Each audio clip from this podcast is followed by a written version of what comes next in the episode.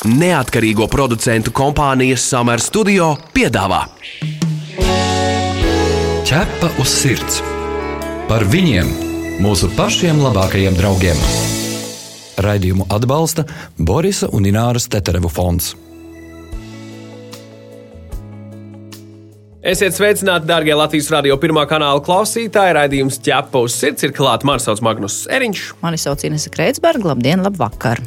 Mēs ķepa uz sirds raidījumos vienmēr runājam par mūsu mīluļiem, kā mūsu ģimenes locekļiem.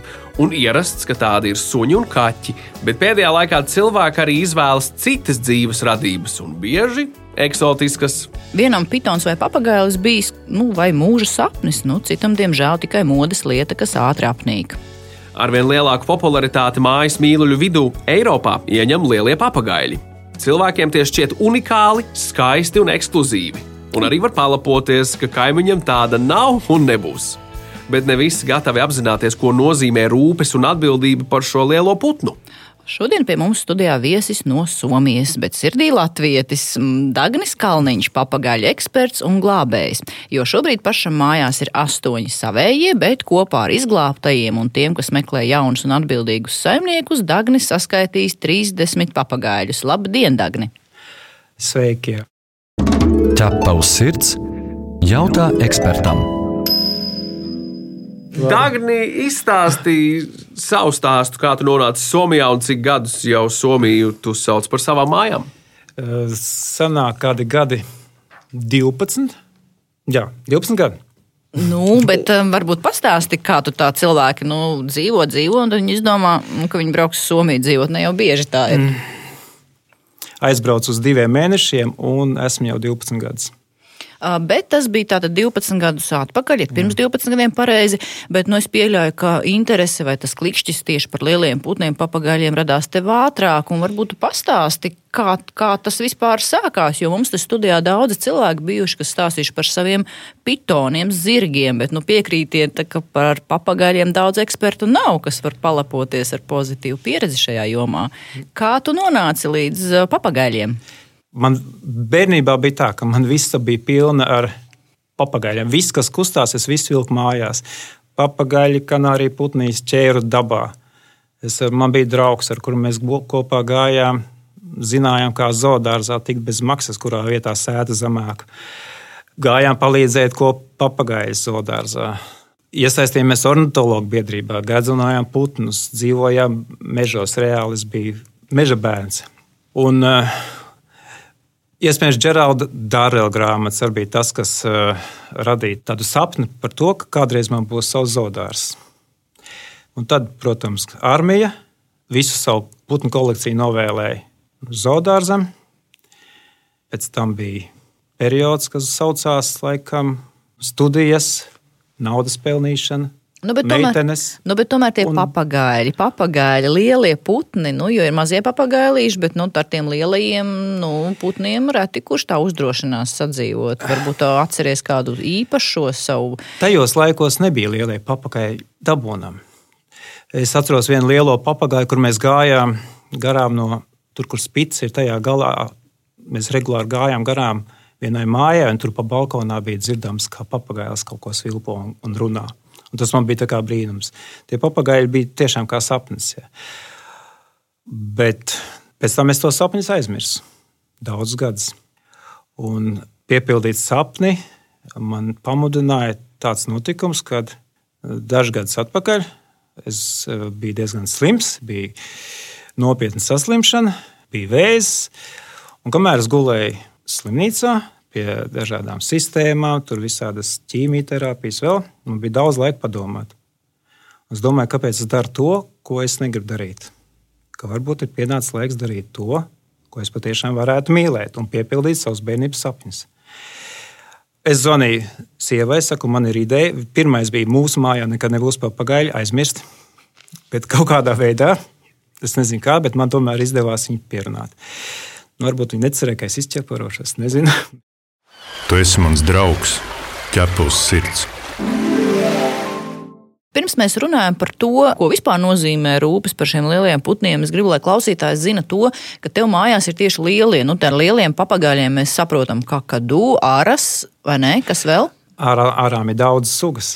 Nu, bet-. Ir uh, maziņas aras, neliela, nedaudz vairāk pa zvirbulu izmērā, un ir aras, kas ir kas ir Tas viss ir aras. Man ir kādas divas aras sugas personīgās. Man ir reāli tikai 200 km2 māju. Man pietrūks vēl kādi 200 vai 300 km2, lai varētu piepildīt visas savas lietas. Bet man neviens, diemžēl, vairāk nav piešķīris. Un tāpēc liela āra prasa reāli savu istabu, tādu, kas ir metra gara. O, tas nozīmē, ka cilvēki grib turēt lielos putnus, tad viņiem vismaz viena istaba putnam jā. Viņam ir jāziedo, jo ne tikai tāpēc, lai putns izlidotos, bet uh, ir jāsaprot, ka viņa grauž visu laiku. Un viņi var mierīgi nograust. Reģips sienu kvadrātmetru viņi nograuzīs pusstundas laikā. Ja? Durvis, logas, mēbeles, viss tiks nograusts. Viņai vajag kustēties, ņemties. Ja? Tāpēc lielām arām ir jāpadomā par to, pirms tādā iegādāties. Domājot par šīm lietām, man savukārt pirmais, kas šķiet eh, dūli, eh, ir ārprātīgi lielais troksnis, ko rada kakadu, piemēram. Ar to arī ir, ir jā, jāmāk sadzīvot. Āras noteikti ir vēl skaļāk. Es varu var tikai minēt, kā jau tikko dzirdējām, arī tām patīk pārdekorēt telpas un ne tikai. Kas ir tās lietas, kam absolūti nav gatavi papagaiļu saimnieki? Visbiežāk tieši ir tieši tas mm, skaļums. Tas ir galvenais, ko cilvēki pārvērtē. Pat ja viņiem pasaka, ka putns ir skaļš, papagailis ir skaļš, tad, kad viņi iegādājas, viņi saka, bet es nezināju, ka tik skaļš. Jo tur taču ir tie decibeli, kas Jā, atbilst decibeli. pat uh, lidmašīnas pacelšanās vai nolaišanās troksnim. Bija pat salīdzinājums. Nu, tur ir tā, apmēram līdz 80, 60 decibeli ir Žako, Amazonas, 100 decibeli tur jau ir uh, kakadu, lielās aras, 120 decibeli tur jau ir kāds molu kakadu. Tā kā, ja mēs atceramies to, kurā brīdī jāsāk kaut kādā darba vietā lietot austiņas, tas ir pie 80 decibeliem. Tāpēc pie lieliem putniem mums ir tas kā fona skaņa. Mums mājās skan nepārtraukti. Ja, ja tev sēž uz pleca papagailis un, un viņš iebļaujās 100 decibelos, tev aizkrīt auss. To ar tausu nedzird. Tas ir aptuveni 100. Tātad uh, pirmās formulas auto mm, spēja radīt 130 decibelu lielu skaņu. Lidmašīna, kas ir reaktīvā lidmašīna, spēja radīt 150 decibelu lielu skaņu. Tas ir ļoti augsta riska troksnis, kur var jau, jau gūt uh, dzirdes traucējumus un, un, uh, un, un pamatīgā skaitēs iedzīvoties.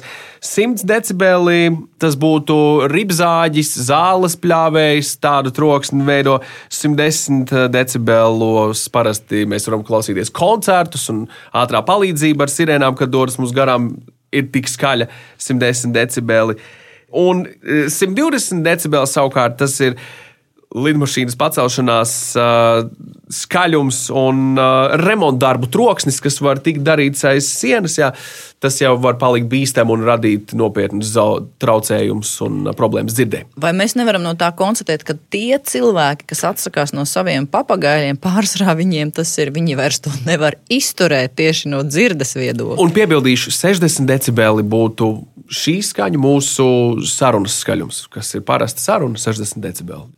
Ir viens moments, mm, bieži vien pats svarīgākais nav tieši decibeli, bet svarīgākais ir skaņas, teiksim, dažreiz ir augstas skaņas, augstas frekvences skaņas, kuru rada papagailīši, kas ir daudz mazāki.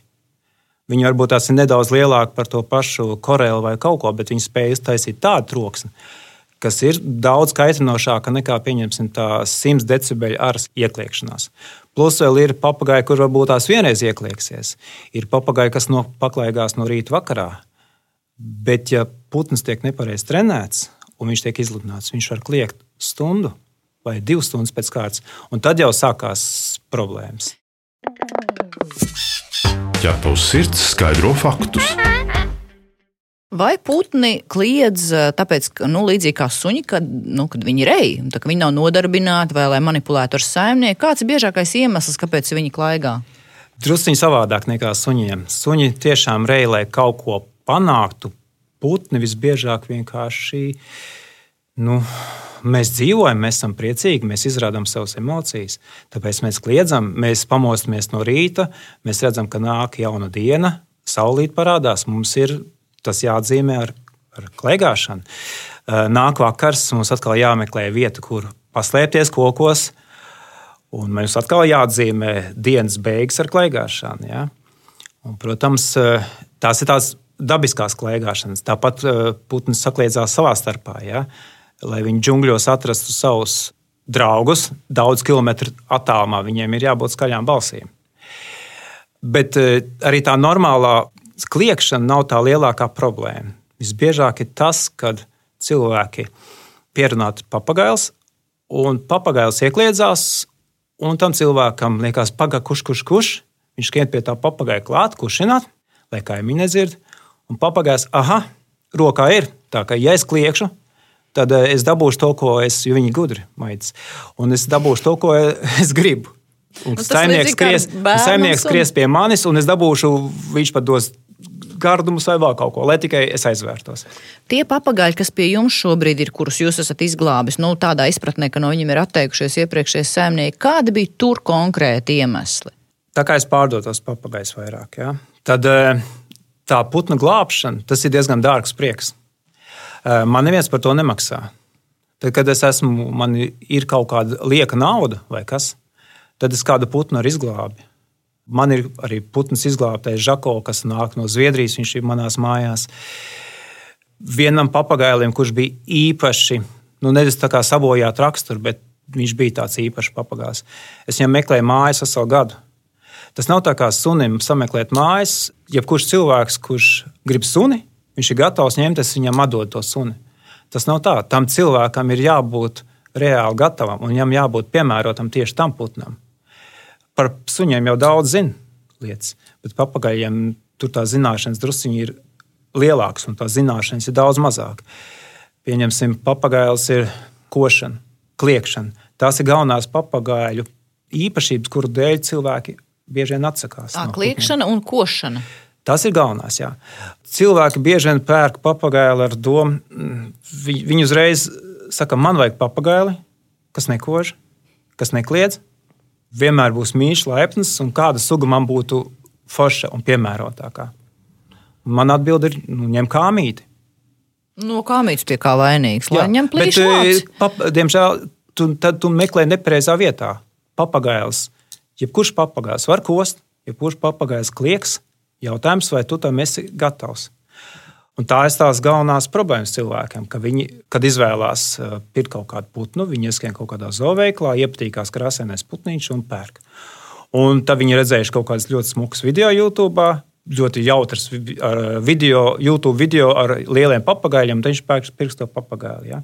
Viņš vispār nav pat palasījis. Viņi bieži vien man zvana cilvēki, viņi pat nav Wikipēdijā izlasījuši. Kas tā pasūta? Viņi saka, mēs gribam to dzelteno vai to sarkano papagailīti. Tas nopietni. Jums druskuļi palasa, izlasa kaut ko, kaut ko nebūtu, ja, pirms kaut ko tu vēlēsies.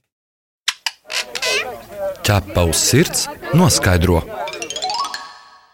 Reizes raidījums ķepa uz sirds devās uz Vāciju un viesojās papagaļu patvērsmē Vācijā. Un tur lielākais pārsteigums mums bija tas, ka ļoti daudzi lielie papagaļi bija bez spalvām. Vai tas parāda šo milzīgo stresu, kādu izjūt šie putni, vai kāpēc tā notiek? Kad papagaili izplūkā sevi, tur iemesli ir īstenībā ļoti daudz. Biežākais iemesls ir stress. Stress var būt tiešām no kaut kādām reālām lietām, ko cilvēks var saskatīt, bet stress var būt no lietām, kas mums liekas sīkums, bet putnam tas neliekas sīkums.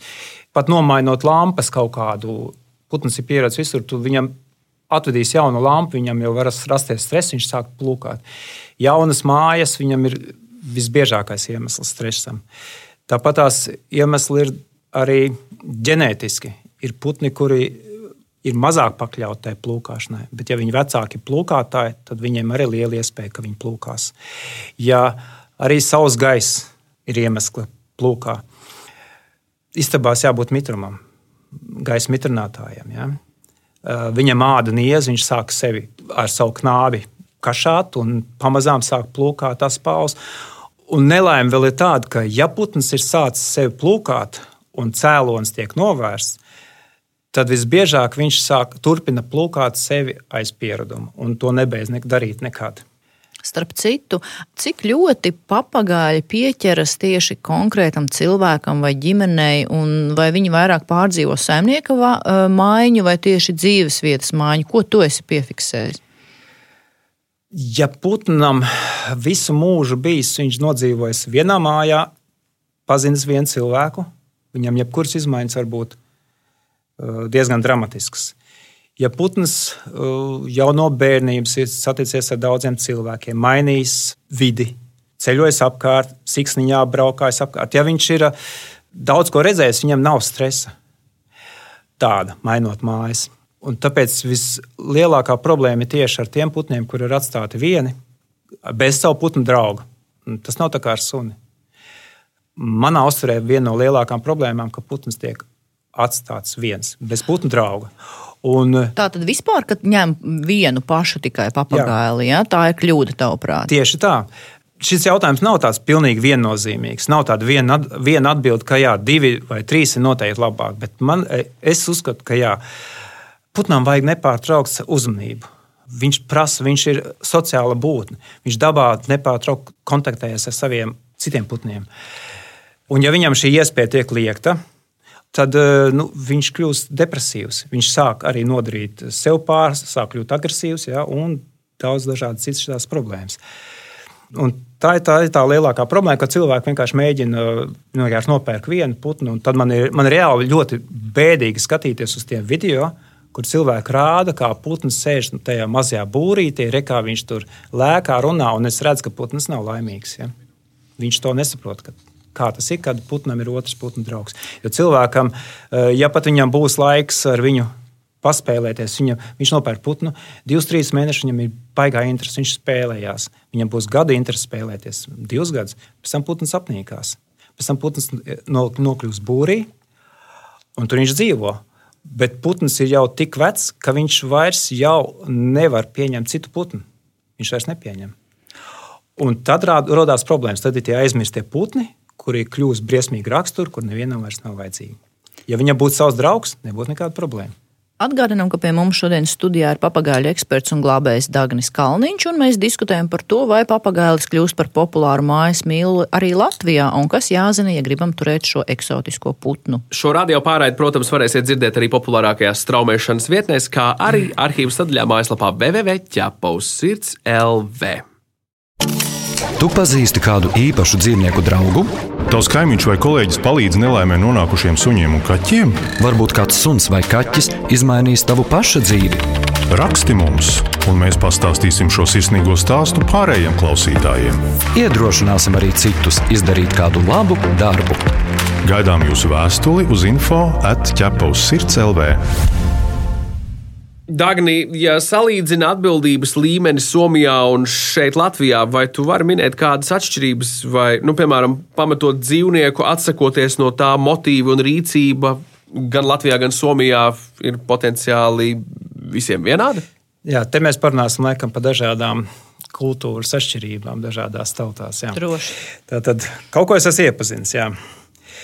Somi man var teikt, ka, kad es viņiem atdot papagailu, 90% viņi man ir Baltijas sarakstā. Tad tikai 10% es atsaku to. Ar arābiem ir pilnīgi pretēji.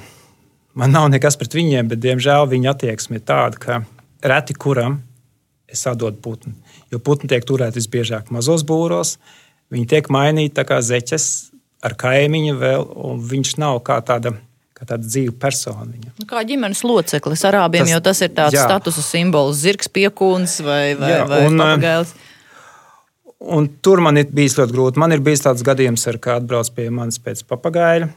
Cilvēks ir bijis 500 km nobraucis.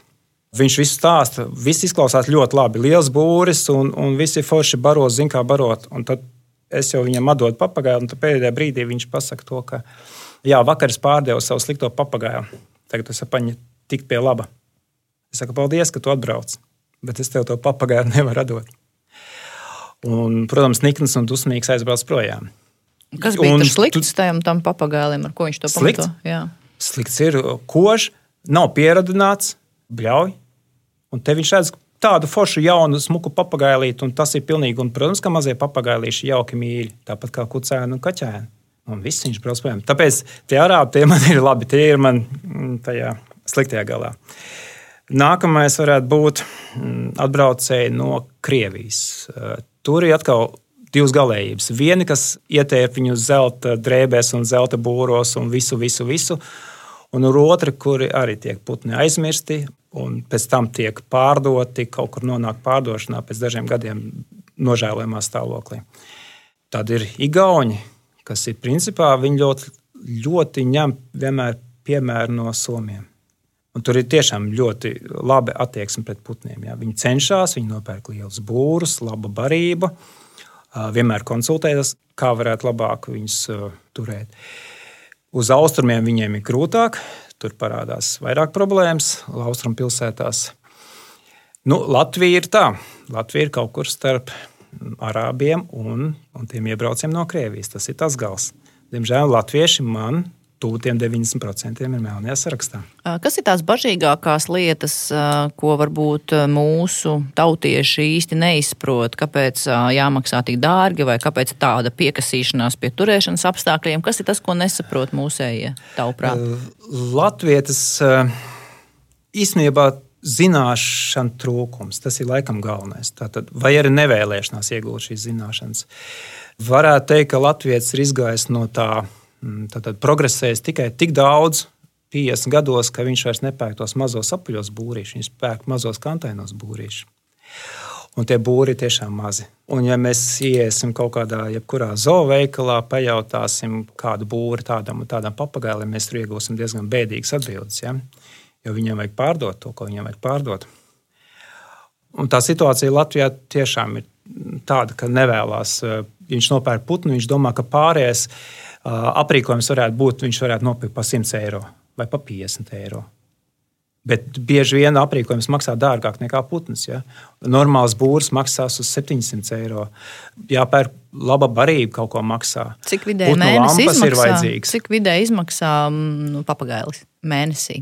Skatoties kāds. Mazs papagailis varbūt ar neko neizmaksās. Lielais papagailis izmaksās, viņš ēdīs vairāk, rēķina, ka viņš 70% no barības nosēž zemē.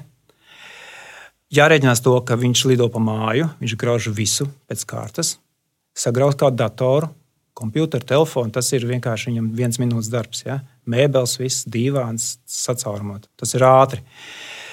Un vēl dārgāka lieta, visdārgākā lieta, sanāk tad, ja putnam pēkšņi vajadzīga kāda medicīniska palīdzība. Un tad tas maksā simtus, tūkstošus.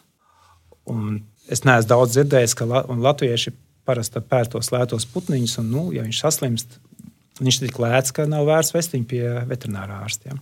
Diemžēl tā ir realitāte. Daudzi grib iegādāties papagaili, lai ar to varētu sarunāties.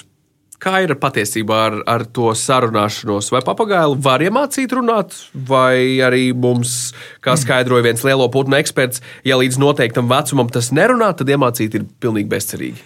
Un otrs, ko es esmu dzirdējis, ja putns ir viens, tad viņš tik runā. Ja ņem divus, tad viņi nekad nerunās. Apgāziet daļu šos mītus. Lūdzu. Tātad šie mīti abi divi pilnīgi nepareizi. Un tas eksperts, es nezinu, kas, pas, kas tas par ekspertu. Tātad putni, man ir tātad mani savu personīgie putni, no sākot no zirbuļa izmēra līdz uh, žako izmēram. Un viņi visi runā. Pilnīgi visi. Kurš vairāk, kurš mazāk.